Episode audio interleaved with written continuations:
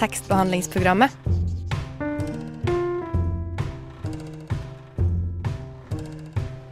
Tekstbehandling på radio.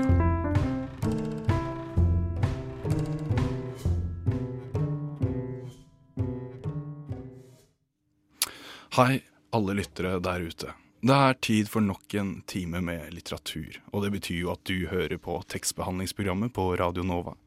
Mitt navn er Sofus Greni, og med meg i studio så har jeg deg, Stine. Det stemmer på en prikk, Sofus. Ja, velkommen til deg. Takk. Og i dag, eh, kjære lyttere, så skal vi ha en litt spesiell sending. Jeg er i hvert fall veldig gira. Vi skal nemlig få besøk av Terjei Vesaas debutantprisvinner Cezan Shakar. Og han skal snakke om sin bok 'Tante Ulrikkes vei'.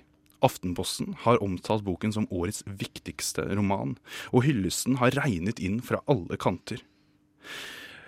Eh, og den boka her, den kom jo til meg mm, litt sånn på slump. Altså, det var jo du, Stine, som først og fremst sa at eh, du grep tak i jakkeermet mitt og sa Sofus, har du lest denne boka? Det hadde jeg jo ikke. Og så ga den til meg. Men Stine, hva, hva er det du liker så godt med denne romanen? Det er litt vanskelig å si eh, helt konkret. Jeg kjøpte den til meg sjøl i julegave og leste den og ble Altså, jeg grein to ganger. Nå er jeg ganske emosjonell generelt, men det var et eller annet som var Det er veldig realistisk. Det er, det er jo en moderne oppvekstroman som jeg tror veldig mange kunne, kan kjenne seg igjen i og kan synes er veldig bra generelt sett. Den er jo si, større enn seg sjøl og så videre. Veldig Ja. aktuell. og Ja, og, det omtales kanskje også som den nye Beatles. Ja, ikke sant? Ja, og det syns jeg er veldig spennende å si. At det, altså, fordi Ofte så tenker jeg at det kan jo være litt lett altså, å slenge rundt seg med sånne fraser som om denne boken er brennende aktuell. Men altså her så er jeg helt enig med at denne beskrivelsen er jo helt riktig. Kanskje spesielt av, av liksom de, de politiske omstendighetene som vi har sett uh, denne uka. Altså Vi ser et mer uh, polemisk samfunn. Vi ser at samfunnsdebatten blir stadig skarpere. Og denne typen roman, da, som, er, som er jo en slags Den har blitt beskrevet som en innvandrerroman. da, uh, Som en veldig sånn sår og flott beskrivelse innenfra om to gutter. da som gjør nok at denne boka her blir veldig spennende. Så jeg er veldig gira. Jeg likte den også veldig godt. Uh, veldig fint det du sa også. Altså, du ble jo rørt. Altså, du Mm. gråt to ganger. Og, uh, hva er det som er så sårt med denne boka? Uh, jeg synes, Nå stiller du veldig vanskelig Ja, jeg gjør det. Nå er jeg litt vrien. Men, ja, men det disse guttene som blir veldig sårbare og veldig åpne, og selv om de skal være tøffe. Og det, jeg har en kompis som vokste opp i Tante Ulrikkes vei, som jeg, som jeg, fikk eller som jeg anbefalte boka til, som har lest den, og som likte den veldig godt. Jeg kan, skal jo si litt mer om det Ja. senere. Men det er et eller annet med det som bare føles veldig ekte og veldig Ja, og og inn i den verden som vi skal nå, eh, den skal vi se nærmere på. Vi skal få selveste forfatteren inn i studio, men først skal vi høre en låt som kanskje handler om nettopp dette livet. Da skal vi høre det, eh, Earl Sweatshirt med låta 'Chum'. I forrige sending skjedde noe forferdelig galt. Noe som aldri skal skje igjen. Men vi ses selvfølgelig neste onsdag. Da kommer den ferske vinneren av Nordisk råds litteraturpris, Shezan Shakar. Kjære lytter. Kjære redaksjon. Kjære Shezan Shakar. Kjære alle sammen. Det er med høye skuldre, vond mage og langflat kropp at jeg kommer med denne unnskyldninga. For jeg vet jo, i mitt hjerte, Shezan Shakar, at det var Tarjei Vesaas debutantpris du vant. Jeg spådde nok i framtida da jeg sa Den ferske vinneren av Nordisk råds litteraturpris, Shezan Shakar. i forrige sending Unnskyld.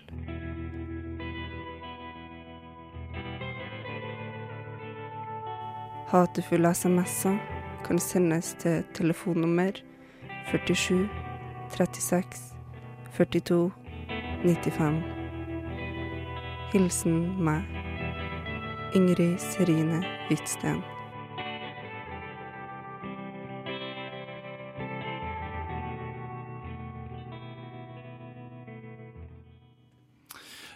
Der hørte vi altså vårt redaksjonsmedlem Ingrid, som eh, la seg langflat og ba om unnskyldning til nettopp Cezan Shakar, som har kommet inn i studio nå. Velkommen til deg. Takk skal du ha.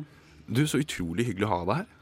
Takk i like måte. Jeg gleda meg masse. Ja, så bra. Eh, godtar du Ingrid sin unnskyldning? eh, ja, jeg godtar den, og så håper jeg at hun har litt sånn oraklets spåkraft. Ikke sant? Det, liksom det venter en nordisk pris der ute et sted. Ja. Neste gang. Neste gang. Neste gang. Ja, men vi vil først og fremst gratulere deg med Vesaas-prisen. Tusen hjertelig. Hvordan er det å få den uh, prestisjetunge debutantprisen? Det var Altså, det er jo så stort som du får det, på en måte, som debutant. da. Så det, det var veldig, veldig stort. Jeg, var, eh, jeg ble ordentlig, ordentlig glad da jeg ble nominert. Og så tenkte jeg sånn Jeg kommer ikke til å bry meg så mye om det her, men jeg gikk jo liksom og sjekka mobilen hver eneste dag, og hver gang det ringte et eller annet nummer som ikke var lagra fra før av, så steig liksom pulsen og sånn. Og så, og så kom den telefonen til slutt. Eh, Og så gjorde hun det veldig kort, hun fra Forfatterforeninga. Hun sa det her er en hyggelig telefon. Og da liksom var det knyttneven i været og full stemning. Altså. Da skjønte du hvor det bar. Jeg skjønte hvor det bar, da ble jeg ordentlig glad. Ja, og vi er jo også glad for å få deg i studio nettopp for å snakke om denne boken, altså 'Tante Ulrikkes vei'. Dette er alltid sånn vanskelig spørsmål å stille forfattere, men som på en måte er kanskje litt viktig for de som ikke har lest boken, som er et sånt spørsmål som sier hva det handler om. Men denne boken handler jo om usedvanlig mye. Men kanskje du kunne sagt noe om hva den Eller kanskje du kunne presentert den da, for de som ikke kjenner til den? Ja, altså Jeg pleier å si sånn veldig kort, så er det på en måte Det, det er en oppvekstroman fra tidlig på 2000-tallet. Eh, og på mange måter så er den litt sånn typisk oppvekstroman òg. Det er liksom en liten mann som møter stor verden, og så syns han verden er et vanskelig sted å forholde seg til. Og, så, og forskjellen her er kanskje at det er to menn. Eh, to unge gutter. De er 17 år da vi møter dem i 2001 første gang. Og så eh, følger man dem i fem år, og så bor de da i Tante Riksvei, som er en gate på Stovner. Um, og de er da respondenter i et forskningsprosjekt um, i regi av NOVA. Og Ja, da, og, og hvordan er det det påvirker boken? Altså? Fordi det er en henvendelse, eller? Ja, eh, ja. ja. Ja, de får en henvendelse fra denne forskeren. Uh, som vil gjerne komme i kontakt med ungdom med minoritetsbakgrunn i Groruddalen, som liksom skal beskrive hverdagen sin til den forskeren her. da. Uh, og da melder de seg på litt mer eller mindre frivillig. Og så, eh, ja, så sender han ene han, som han sender e-poster, han andre spiller inn på diktafon, og så er de to veldig forskjellige. Ja, på hvilken måte da? Nei, altså De er liksom to ytterpunkter på mange måter. da. Det var han ene som er han der liksom flinkisen, som er liksom strebete uh, utdanning, vil gjerne bort fra Stovner. Og så er det han andre som liksom er mer han karen med hettegenseren på gata, ikke sant? som dropper ut av videregående og sånn. Sånn at de to er veldig ytterpunkter, og det reflekteres på en måte også i, i, i hvordan de snakker til han forskeren. Ja, jeg nevnte at jeg hadde eh, anbefalt boka til en venn som vokste opp i denne gata. Mm. Og da spurte han, jeg fikk liksom endelig sånn snap-bilde av at han eh, leste den. Så tenkte jeg, åh yes, og så jeg, spurte jeg hva syns du? Eh, det han skrev da var helt latterlig. Det er en detaljert beskrivelse av oppveksten. Det er alt fra naboene mine til hva vi gjorde, hvor vi gjorde det. Eh, Flammestatuen er bak blokka mi, liksom. Jeg må lese mer. Eh, jeg tenkte også når jeg leste den uten at jeg har vært noe særlig på Stovner, sånn at det er veldig realistisk. Hvordan har du jobba med det? Akkurat, Jeg kan egentlig fortelle, for det, det er jo ikke sånn at jeg bare våkna en dag og så skrev den boka, og så ble den til av seg sjøl. Det, det var faktisk um, Jeg sendte ut, lagde et manus først, uh, for noen år siden, som egentlig bare handla om han Mohammed, han skoleflinke sin historie. Eh, og så hadde jeg da satt handlingen i et sånn fiktivt vestlig land som ikke ble liksom navngitt, eller noe sånt, for jeg tenkte at det var skikkelig lurt, fordi da fikk jeg masse frihet. ikke sant? Da kunne jeg definere handlinga som jeg ville. og sånt. Ja. Ja, ja, og så sendte jeg det til forskjellige forlag, og det ble refusert hos alle sammen. Men jeg fikk en konsulentuttalelse, for det er det de gjør, de forlagene. Noen ganger så sender de manuset ditt til en konsulent, og så får du akkurat som en bokanmeldelse tilbake. Og så sier konsulenten på slutten OK, dette burde forlaget gå for eller ikke. Eh, han anbefalte ikke at du gjorde det, men det han sa, hvorfor i all verden tar du ikke den handlinga her til Norge istedenfor? Ja. Og da gikk det liksom et lys opp for meg, og da, hvorfor gjør jeg egentlig ikke det? Og med en gang jeg begynte å gjøre det, så bare falt det tusen biter på plass. Ja, for det er jo en detaljert beskrivelse av Oslo og by. Og det er jo kanskje derfor også Altså, dette navnet på romanen, den heter jo nettopp 'Tante Ulrikkes vei'. Så fra å gå fra på en måte å ikke ha noe sted, så ble jo kanskje altså stedet tittelen på romanen. Ja, ja, ikke sant? Og omtrent en slags karakter på egen hånd, på en måte. Det følger jo liksom utviklingen til den gata, som igjen da blir et slags sånn mikrokosmos på Groruddalen og Oslo i stort. Sånn at, eh, ja, det, Og det var jo ikke min plan da jeg starta, egentlig, men, eh, men jeg er veldig glad for at jeg gjorde det. Absolutt. Eh, og dette må vi komme tilbake til. Men først så skal vi jo spille en låt uh, som du har valgt. Altså, vi skal spille 'Represent' av Nas, som kanskje gjør seg viktig for en av disse karakterene. Ja, litt for begge. Litt for begge. Ja, Da skal vi høre låta, så må vi snakke litt mer om det. Ja, da hørte vi altså Nas med 'Represent'. Og i slutten her eh, så eh, begynner han jo å ramse opp forskjellige navn på en bydel. Og dette med å representere, altså om det er en gruppe eller en by eller en del av en by, det utgjør altså Når jeg leser denne boken, så utgjør det en slags rød tråd gjennom romanen. Men Cezan Shakar, hva vil det si å representere?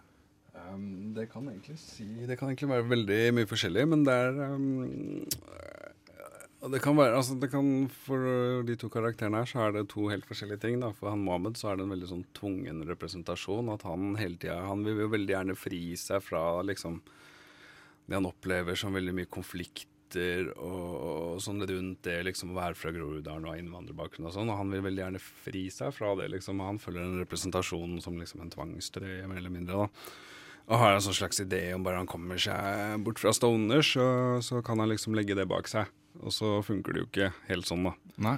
Eh, mens for den andre så er det tvert imot der er det liksom Han tar liksom all den eksterne kritikken og alt eh, de konfliktene utafor, det tar han liksom Det blir mer bensin på et bål for han da, hvor han liksom Og veldig i tråd med hiphop, akkurat som sangen vi hørte nå, som handler veldig mye om sånn Det handler om en sånn slags stolthet, da å vise stolthet. At eh, det er lov å være stolt av det stedet du er fra, selv om alle andre liksom rakker ned på det og sånn. Og han Jamal, da, han tar det veldig til seg. og er veldig opptatt av å representere, liksom. Han vil være så stoner som mulig, på en måte. Um, så det kan være to helt forskjellige ting. Og så handler det i bunn og grunn egentlig om å være um, å gjøre noe positivt da, for stedet ditt eller folka dine du representerer. liksom. Det betyr at du gjør et eller annet positivt. Og det kan være sånn som når han Jamal møter Mohammed første dag Mohammed skal på universitetet, så sier han til ham ja, du representerer oss, mann.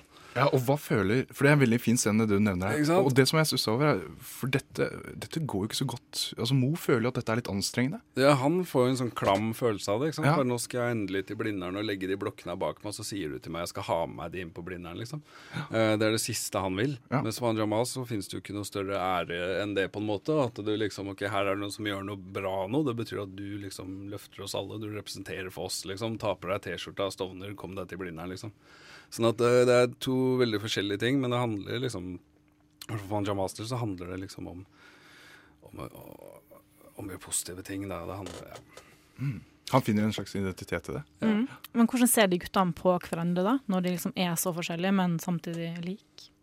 Ja, det, jo, det, er jo deler av boka hvor de har et liksom blikk på hverandre, og det er en slags sånn både gjensidig respekt der, men også litt sånn foraktfullhet, på en måte. Han, men har jo et litt sånn blikk på han Jamal, og syns jo, syns jo han er litt sånn liksom, Han er litt uh, håpløs, og han trekker det liksom Han, han, han representerer på mange måter alt det han Mohammed ikke vil være, da.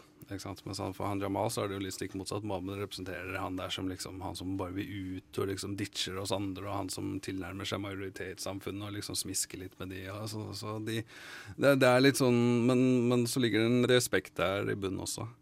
Mm. Ja. Ja, en ting som jeg synes, Det er veldig interessant det du sier her. Også en ting som jeg syns er spennende også, er Normo, når Mo, da, uh, som han kalles i boka. Uh, når han på en måte gjør det godt og gjør det bra, uh, så er det en ting er at Jamal vil at han skal representere at det er noe godt for måte, at han representerer Stovner og kommer derfra. Men så er det en sånn interessant vinkling som skjer bl.a. når han ber om det anbefalingsbrevet fra rektoren på kontoret. Mm. Og da plutselig er det en rektor som han ikke har prata med før. Han har ja. ikke vært der. Men hva skjer da?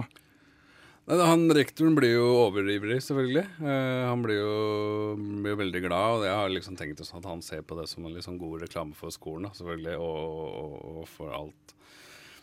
Uh, sånn at uh, han blir kjempeivrig og skriver ut det anbefalingsbrevet og smører skikkelig på. Um, nesten litt sånn desperat griper etter halmstrå av suksess, på en måte. Ja. Kanskje opplevde at det er noe som ikke er altfor mye av, da. Altså, ja. Og, og, så, og, så, skjer det noe videre. Altså, fordi det ender jo med at Jeg vet ikke om jeg kan si så mye om boka, men altså, jo, jo, Mo får dette da, stipendet for ja. å gå på universitetet. Og så skjer det noe som jeg også syns er på en, måte, på en måte som leser, da, så er man jo glad på Mo sine vegne. Man syns jo det er stas. Men så er det en sånn herlig dobbelthet der, som bl.a. skjer f.eks. når statsministeren kommer. Eh, hvor jeg på en måte føler at plutselig så er det en litt sånn Mo blir brukt også som en sånn eh, slags statuett mer. At han, han, forsvinner litt som menneske og suksessen i seg selv, og, og som individ, da, til å stå som symbol. og Det starter på en måte på rektors kontor. og så videre Ja. da i liksom den statsministergreia. Ja, det er en sånn gallionsfigurfunksjon på Og, er hel- og det, da har du lest helt rett, for det er akkurat sånn jeg, sånn jeg også tenkte. Og det er litt et sånn spark til hvordan på en måte den offentlige samtalen og diskusjonen på en måte ofte kaprer kaprer i enkelthistoriene da, til, Ja. til holdt på å si sin egen vinning, eller til sin egen vinkling, eller hva du nå skal kalle det. Og det er kanskje enda tydeligere i forhold til hun som det er sånn æresdrap-lignende sak der, hvor Ja. det også veldig mye av det samme. Ja. Sant? Hvor hun plutselig da blir løfta veldig opp og ut, og, og blir i all, hvert fall en sånn gallionsfigur. Og plutselig der hvor folk som ikke var interessert i henne, som ikke kjente henne sjefene, plutselig går med bilder av henne på T-skjorta. Ja, ikke ikke sant? sant? Og det er jo grotesk nesten. altså. Man får jo avsky av denne såkalte kjærligheten de plutselig erklærer. Ja, du kan lure på hvor dyptfølt den kjærligheten da Ja, er. ikke sant? absolutt. Ja. Ja, er det kritikk? Ja. Ja, ja, ja, men det er det. Det er, det er litt en kritikk av, av liksom den offentlige debatten. Ja, det er absolutt det. Altså. Ja. Ja, og denne kritikken den skal vi komme tilbake til, men også boken som roman og som et kunststykke. Som, som et, et velskrevet eh, stykke litteratur.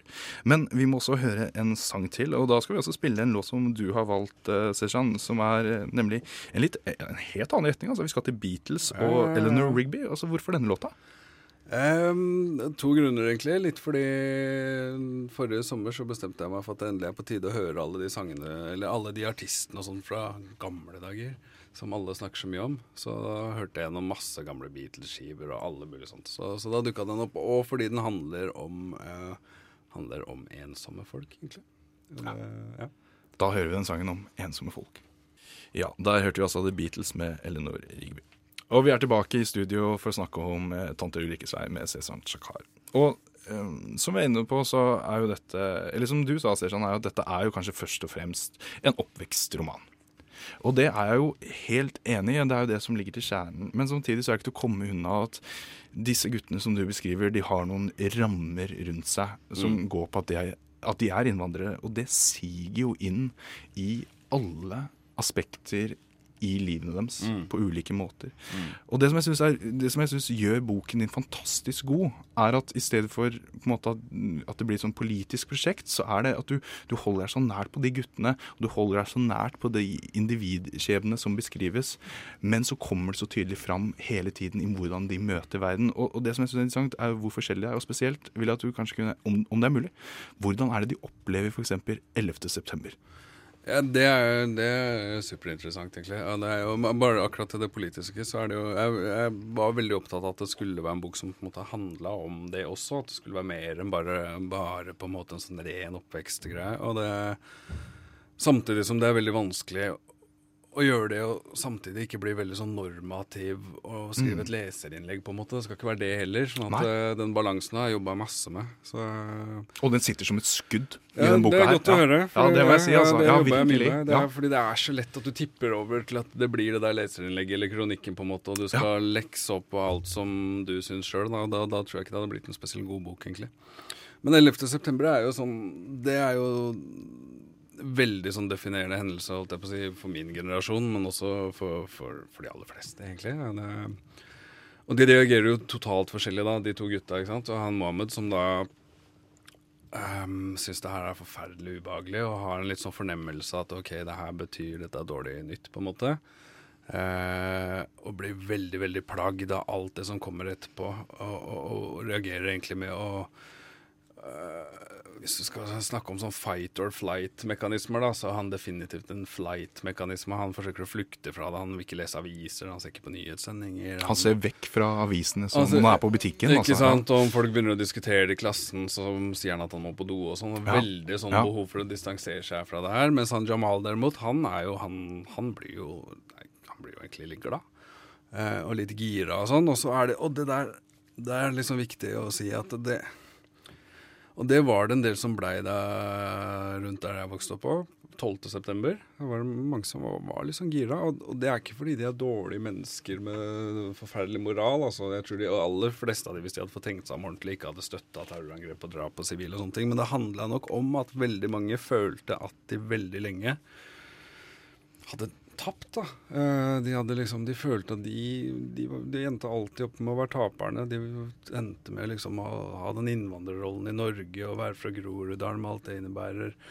være fra hjemland som ofte hadde sine problemer, og de følte de tapte i verden, at islam tapte i verden, at muslimer liksom hadde gått rundt og blitt pissa på omtrent i 200 år. ikke sant? Og, og da at noen endelig liksom bare gjorde noe, at de endelig bare fikk den følelsen av liksom OK, det er noen som gjør noe, vi slår liksom tilbake, vi gjør et eller annet, liksom. Så da, den utløste en veldig sånn Om ikke glede, da, men sånn, nesten en slags stolthet, på en måte.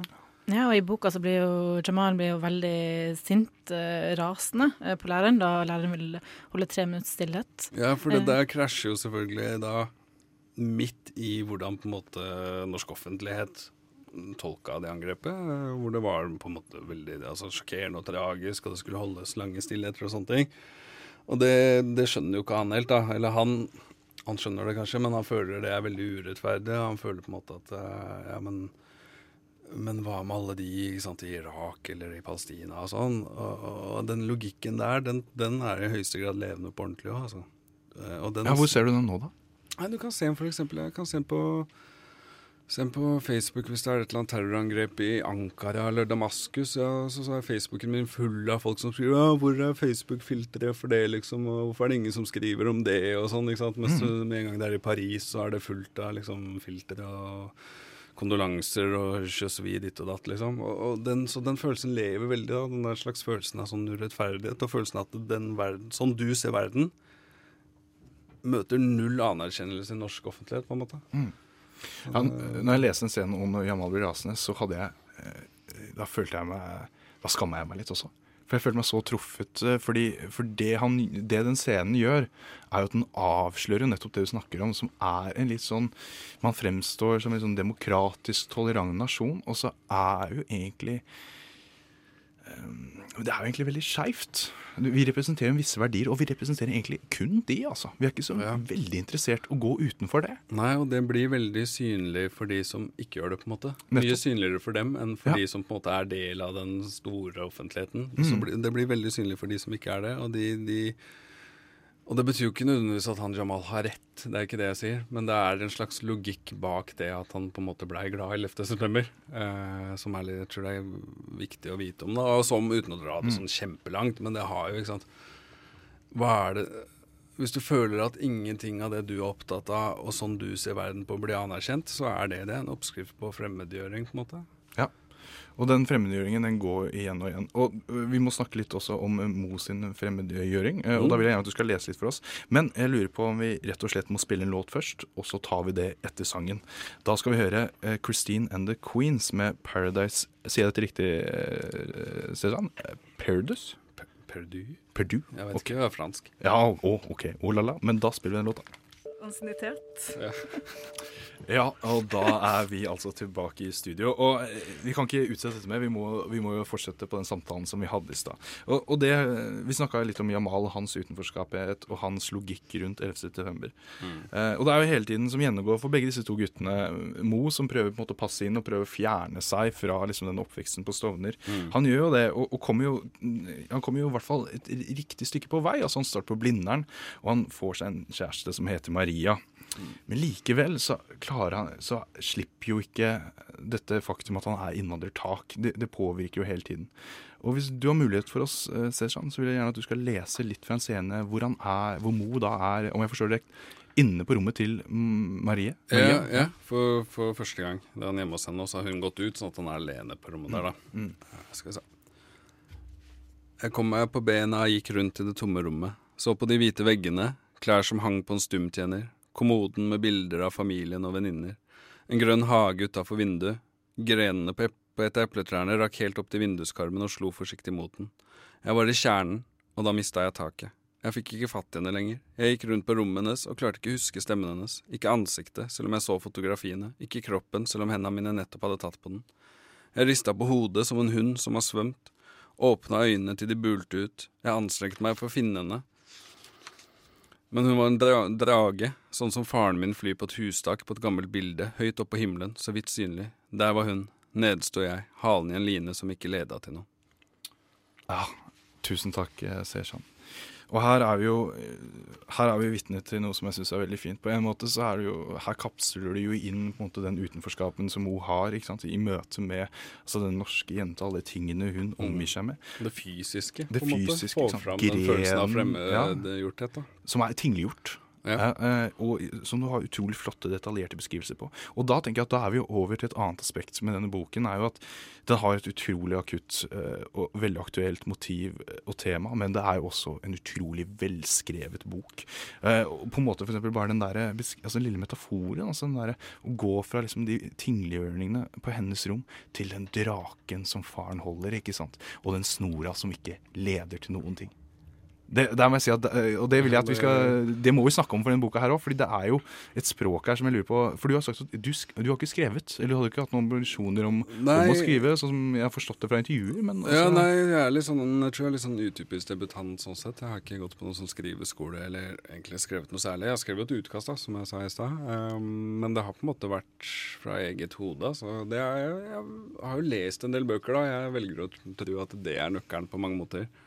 Og det, liksom, det kanskje er noe av det viktigste du kan gjøre hvis du har lyst til å skrive. Da. Um, men, men ja, ikke noe, ikke noe sånn formelt. Men jeg har savna det noen ganger, så jeg har følt at jeg liksom mangler noen sånn virkemidler og teknikker og sånn. da. Ja. Men uh, ja, det kommer i hvert fall ikke til syne i denne boka. Ja, det er fint. Ja. Vokste opp med bøker? jeg vokste opp med sånn Bokklubbens barn-medlemskap. Ja. men ikke noe sånn voldsom bokhylle hjemme. Men jeg leste ganske mye fram til jeg var sånn type Altså sånn Roald Dahl og Hardy-guttene og Donald og sånne ting. Ja. Fram til jeg var sånn tolv, og så omtrent ikke noe. Frem til jeg ble sånn ja, 1921. Og da tok det helt av. Men hva var det du begynte å lese igjen da? Eh, Den første boka da var faktisk Jeg har en søster som er litt eldre enn meg, som syntes jeg skulle lese George Orwell sin 1984. Så da begynte jeg med det, og det ble liksom en sånn, en sånn vekker. da, bare, ja, faen, Bøker kan være, de, de kan være så utrolig kule, og de kan handle om så mye og sånn. Og da bare begynte jeg å pløye gjennom masse altså masse sånne klassikere og alt mulig. Var det da du fant ut at du skulle bli forfatter? Mm, det er kanskje da jeg begynte å tenke på det. Men det tror jeg, alle, jeg tror alle som har lest en del bøker, på et eller annet tidspunkt har tenkt at ja, kanskje jeg skulle prøvd sjøl. Og sånn tenkte jeg, ja, men så tok det jo åtte-ni år før jeg faktisk ikke gjorde noe med det. Mm. Men var det et eller annet mm, som tente gnisten? Nei, egentlig ikke. Og jeg Det var ikke sånn at jeg våkna opp en dag og bare jeg skal skrive en bok. Det starta med at jeg tenkte jeg skal skrive, prøve å skrive noe, og så skrev jeg en scene. Som er sånn, det er en skikkelig teit scene, egentlig, med en sånn fyr som venter på en jente. Noen super klisjé-greier, liksom. Eh, og så skrev man en til, og så to-tre, og så begynte man kanskje å se noen sammenhenger og sånn, og så begynte, man, begynte jeg liksom OK, det her kan bli en hel historie, da. Ja, og, altså, Apropos en sånn gutt som venter på en jente, for å plukke opp den tråden mellom Ja, den scenen den besto faktisk i boka. Det Ja. er når han etter de der karikaturdemonstrasjonene hvor han da sitter og venter.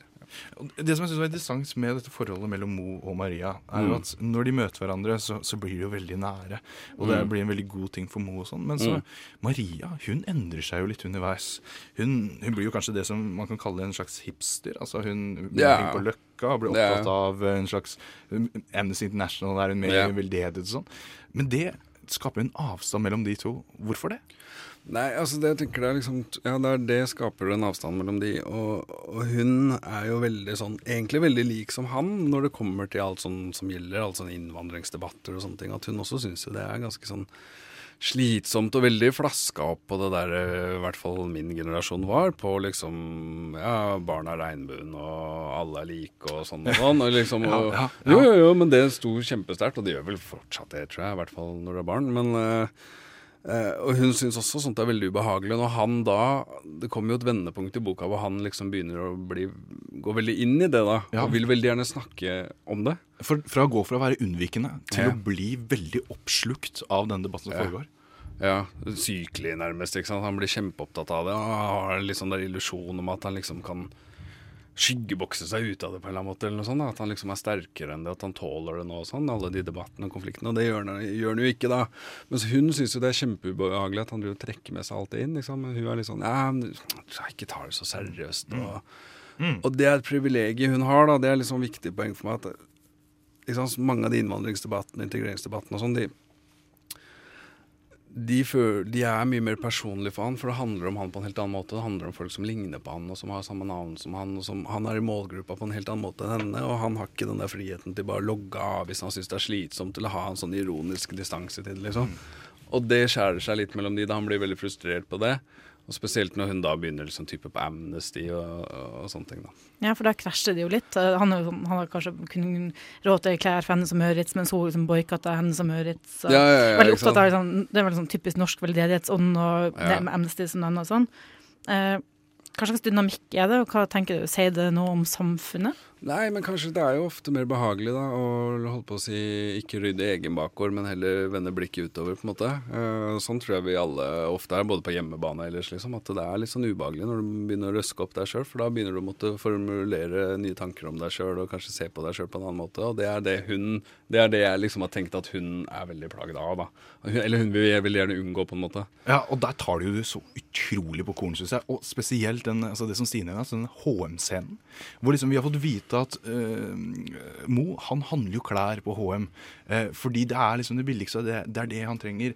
Og så har du da Slipper å snakke med folk og sånn. Ja, ikke slipper å snakke med folk. Og så har du da altså, hun, hun, hun jenta da, som på en måte er liksom veldedig, men på et sånt veldig ideologisk Ja, det skal komme HM til Løkka, og det er Ja. jo helt forferdelig. Ja. sant? Og det ligner nesten litt på det som var for et par år siden, da det var eh, Espresso har sånn, skulle ta over sånn grønnsakshandel, og folk Ja, og og er furor. Ja, da McDonald's kom til Løkka på 90-tallet. Akkurat samme greiene. Og, det, så gjør jeg litt sånn der, fordi den retorikken rundt det er utrolig morsom. Det er, ikke sant? Fordi kommer det en, så kommer det flere, og da står kulturen vår i fare. og sånn. Det er jo liksom en Det er en lignelse der òg, ikke ja, ikke sant? Ja. som han bare blir sånn Herregud, hva er problemet ditt, liksom? Ja. Ser du ikke at det er ordentlige problemer her, og dette er det du bryr deg om? Ja, altså, hun, altså Det som jeg syns er så veldig fint som ligger i det forholdet, er at de nettopp er kjærester. De står jo egentlig så nærme hverandre, men Ja. så er Altså, de ser hverandre jo ikke, ikke sant. Nei. De ser jo forbi hverandre. Og det øh, Og, og så har de klart å ta den liksom personlige, individuelle øh, samspillet der. Og sette det ut også til hvordan altså Du avslører en slags hykleri i samfunnet der og i veldedighetsånden som jeg syns er altså mesterlig. Ja, det er et spark dit. Samt, Samtidig som jeg bare jeg veldig, var veldig opptatt av å ikke gjøre det her til en sånn West Side Story, Romeo og Julie, kjærlighetsforhold, og fattig og rik og mørk og lys. Og det, det er jo egentlig ikke det. Hun er Nei. ganske gjennomsnittlig, egentlig. Ja, Og Mo er jo veldig oppegående. Ja, ja, ja. Ikke sant? Absolutt. Han er jo en slags helt, han òg, på. På mange måter. Eh, Men nå, altså, apropos Stovner, vi må jo høre en låt fra Stovner, og da er det Kenneth Engebretsen, som jeg skjønte at du kjenner, Sesar. Jeg kjenner Kenneth godt. Ja, og da skal vi høre låta 'Skuddsorg', som kanskje har et budskap som vi kan ta med oss videre i samtalen. Ja, der hørte vi altså Kenneth Ingebretsen med 'Skuddår'. Og mm, han sier jo blant annet det er ikke hvor du eh, er fra, men hvor du skal hen, i den låta som er liksom refrenget der. Og ser sånn Tror du det er mulig å løsrive seg fra oppvekstbetingelsene? Um, ja, det er det jo. Og det har man mange eksempler på, men det er, det er ikke så lett. Og det er litt den boka her eh, eksempler på. da. Han, Mohammed gjør jo på mange måter det. Så er han jo et sånn ty typisk eh, eksempel på liksom sosial mobilitet. og holdt på å si The American Dream i norsk versjon, og den, den er det mange som tar. Men så prøver jeg da liksom å vise at uh, det er sånne små stikk hele tiden, eh, som man ikke slipper helt unna. I alle ledd. I alle ledd, uten at jeg har lyst til å gjøre det til noen sånn elendighetshistorie heller, på en måte. Eh, og veldig mye handler om at han her er jo en veldig sånn nesten litt overtenkende og følsom fyr, da. Sånn at sånn for min egen del og sånn, for eksempel, så har jeg ikke opplevd det kanskje så Nei. så- Eller tatt meg så Jeg har ikke latt meg definere så mye av det, da. Nei, ikke sant. Eh, vi, det, boka har på en måte blitt sammenligna med Sobies Beatles, og det er liksom oppvekst, en moderne oppvekstroman, kanskje nye Beatles. Mm. Eh, Og det er litt voldsomt, syns jeg. ja, men eh, sy- er, det no, er det noen likheter, eller er, hva, er de veldig forskjellige? Hva? Nei, altså, bare sånn Aller først så tror jeg oppvekster er ganske 90% like uansett hvor de foregår, omtrent. Jeg er absolutt enig. Det er liksom det er, det er hun dama du har lyst på som ikke har lyst på deg, og det er den der skoleballer du ikke vet hva du skal ha på deg til, og det er liksom sant, det er tusen sånne ting som er, er liksom like uansett hvor det er, da. Um, men Beatles er interessant at du sier det, altså, fordi den er jo Jeg har selvfølgelig lest den, jeg er veldig, veldig glad i den. Og jeg husker da vi leste den, og det var på videregående, da var vi litt sånn Hvorfor er det ingen som skriver en sånn på, fra Stovner, liksom? Vi har så mange kule historier, så noen må liksom gjøre det. Så at det, det ligger der litt, det gjør det, altså, faktisk, som sånn inspirasjons... Ja, og Beatles er jo fortsatt kjempepopulær blant de aller fleste. og Sånn. Tror du at Sant Ulrikkes vei vil eh, holde seg? Tror du den vil være liksom evig aktuell? På- det vil tida vise, men det som jeg syns var veldig kult med Beatles, hvis jeg kan skryte av den istedenfor meg sjøl, så, så er det at den også har en sånn kontekst av samfunnskritikk og politikk og sånn, som jeg liksom føler gjør at den er relevant fortsatt Ja. i dag, da, i tillegg til de universelle oppveksthistoriene, selvfølgelig. Men, men, men så jeg var veldig opptatt av å ha det òg, så sånn sett så Ja, for du skriver deg inn i en sånn lang tradisjon, så vi kan gå lenger enn på en måte tilbake enn Saabye Christensen. Altså, jeg leste nylig 'Albertina' av Christian Krogh, altså den Ja. store naturalistiske romanen. Men også på en måte så virker det kanskje litt sånn fjollete å dra en linse der, men altså begge Veldig litteraturvitersk. Veldig litteraturvitersk, det er det, og der må jeg ta, det må jeg innrømme på en måte, det er jo, men altså det er å gå inn på innsiden av et samfunn og beskrive det derifra. da. Eh, det også var jo på en måte fattigdom og prostitusjon, da, som på en måte var de gjeldende rammene der. Og, og, men også på samme måte som at det er på en måte dette innsideperspektivet som man går til. da. Og, og jeg vil jo, jeg, jeg føler at vi, Det er vanskelig å ha det her på en måte uten å trekke den boka her litt opp fra litteraturen. Og, vi har jo snakket mye om liksom, altså det som omhandler samfunn og politikk. og sånn. Tror du denne boka her blir ekstra viktig nå, altså i dag, altså med de der politiske omveltningene som vi bare har sett denne uka? Um, ja, nå var jeg redd for at du skulle spørre hva jeg syns om Sylvi Listhaug, for det skjedde omformulerte litt, Ja, ja, jeg så jeg gjorde det veldig smelt. Veldig nært, men Ja, ja, det har skjedd noen ganger. Men øh, det, det som er interessant, i hvert fall, er at den handler jo veldig om, om den politiske debatten og det klimaet. Og, og det er klart, jeg husker da jeg vokste opp, var vi ganske slitne av det allerede da. Og han Mohammed er jo også veldig sliten av det, men det er jo ingenting i forhold til hva det er i dag. Det er bare, altså, det er hardna til enda mer. Ja, ikke sant? Sånn at øh, ja, i beste fall så er det en liksom light-versjon av hva mange unge opplever i dag. Det er, I dag er det jo ekstremt trykk, egentlig. altså. Sånn at øh, ja. Tror du, tror du at denne boka her kan bidra på et perspektiv som ikke har vært der for altså, den gjengse nordmann på alle mulige måter? Ja, altså det skal man Man skal være litt sånn for- ikke sant? Nå er jo du forfatteren av boka, så ja, jeg ikke sant? stiller deg til Nei, nei, nei, men ikke bare det, men det er også tilbake til det med å representere og sånn. Jeg sjøl blir jo veldig ofte sånn Kanskje det jeg syns er på en måte mest krevende med å ha skrevet en sånn bok, at jeg veldig ofte blir et sånn slags sannhetsvitne. da. Mm. Og folk er veldig sånn ute etter sannhetsvitner. Ja, hvordan er det egentlig på Stovner? Hvordan Mm. er det parallellsamfunn og sånn? Nå skal du fortelle oss. Og jeg kan jo ikke fortelle annet enn liksom mine egne historier, og så har jeg gitt liv til noen karakterer som forteller historier, på en måte. Så Ja. Bare så det er sagt, da. Ja. Um, og nå glemte jeg hva du spurte om igjen. Nei, altså det ja, Det tror jeg vi alle Nå, glemmer. nå svarte jo du veldig klokt på det, på en måte. Altså, du er jo først og fremst deg og din historie. Eh, og det er jo klart at det er jo vanskelig måte at du skal ta stilling til det. Men det, men det jeg tror, da, og jeg tror det liksom Jeg tror det på mange måter er på høy tid at det, For å si det litt sånn svulstig, på en måte vi, Minoritetsungdom på Stovner og folk fra Groruddalen generelt er kanskje de menneskene i det landet her som blir fortalt mest historier om av de som er utenfra Stovner og Groruddalen. Eh, og det er jo på en måte fint å endelig kunne fortelle sin egen Ja. historie på egne premisser. Ja, apropos det, altså siste kort spørsmål. Tror du altså alle disse Mo og Jamalene som finnes der ute, Mm. kan vi regne med Tror du de kommer til å lese boka? Eh, noen av de har gjort det.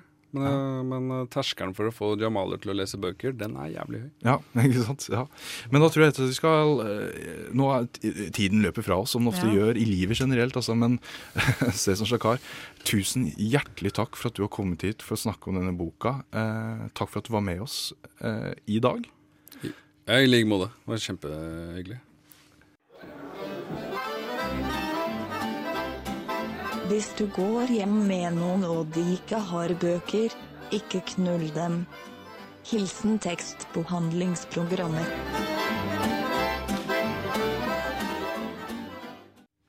Ja, da nærmer vi oss slutten for denne gang. Men fytti rakkeren for en fyr og for en bok, og for noen artige diskusjoner vi har hatt der, Stine. Syns du ikke? Ja, absolutt. Det, hvis du skal skryte så mye av oss, holdt jeg på å si.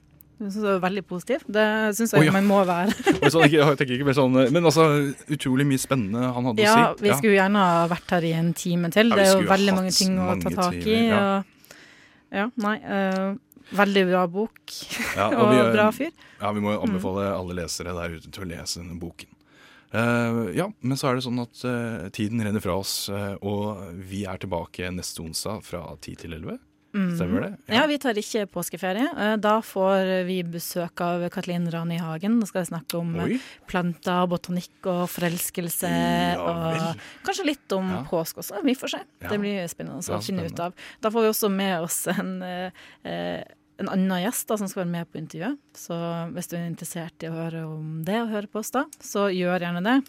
Du kan jo også høre tidligere sendinger og denne sendinga på podkast. Absolutt. Og så kan du også følge oss på sosiale medier, og det anbefaler jo. Da er vi tilgjengelig på Facebook og på Instagram under tekstbehandlingsprogrammet. Mm, og tekstbehandlingsprog også eh, et par steder. Men altså, søk på tekstbehandlingsprogrammet, så finner du oss. Det gjør man absolutt. Og med disse ord, eh, kjære lytter, så takker vi for i dag, og vi ses neste uke.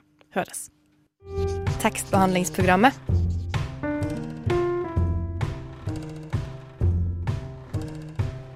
Tekstbehandling på radio.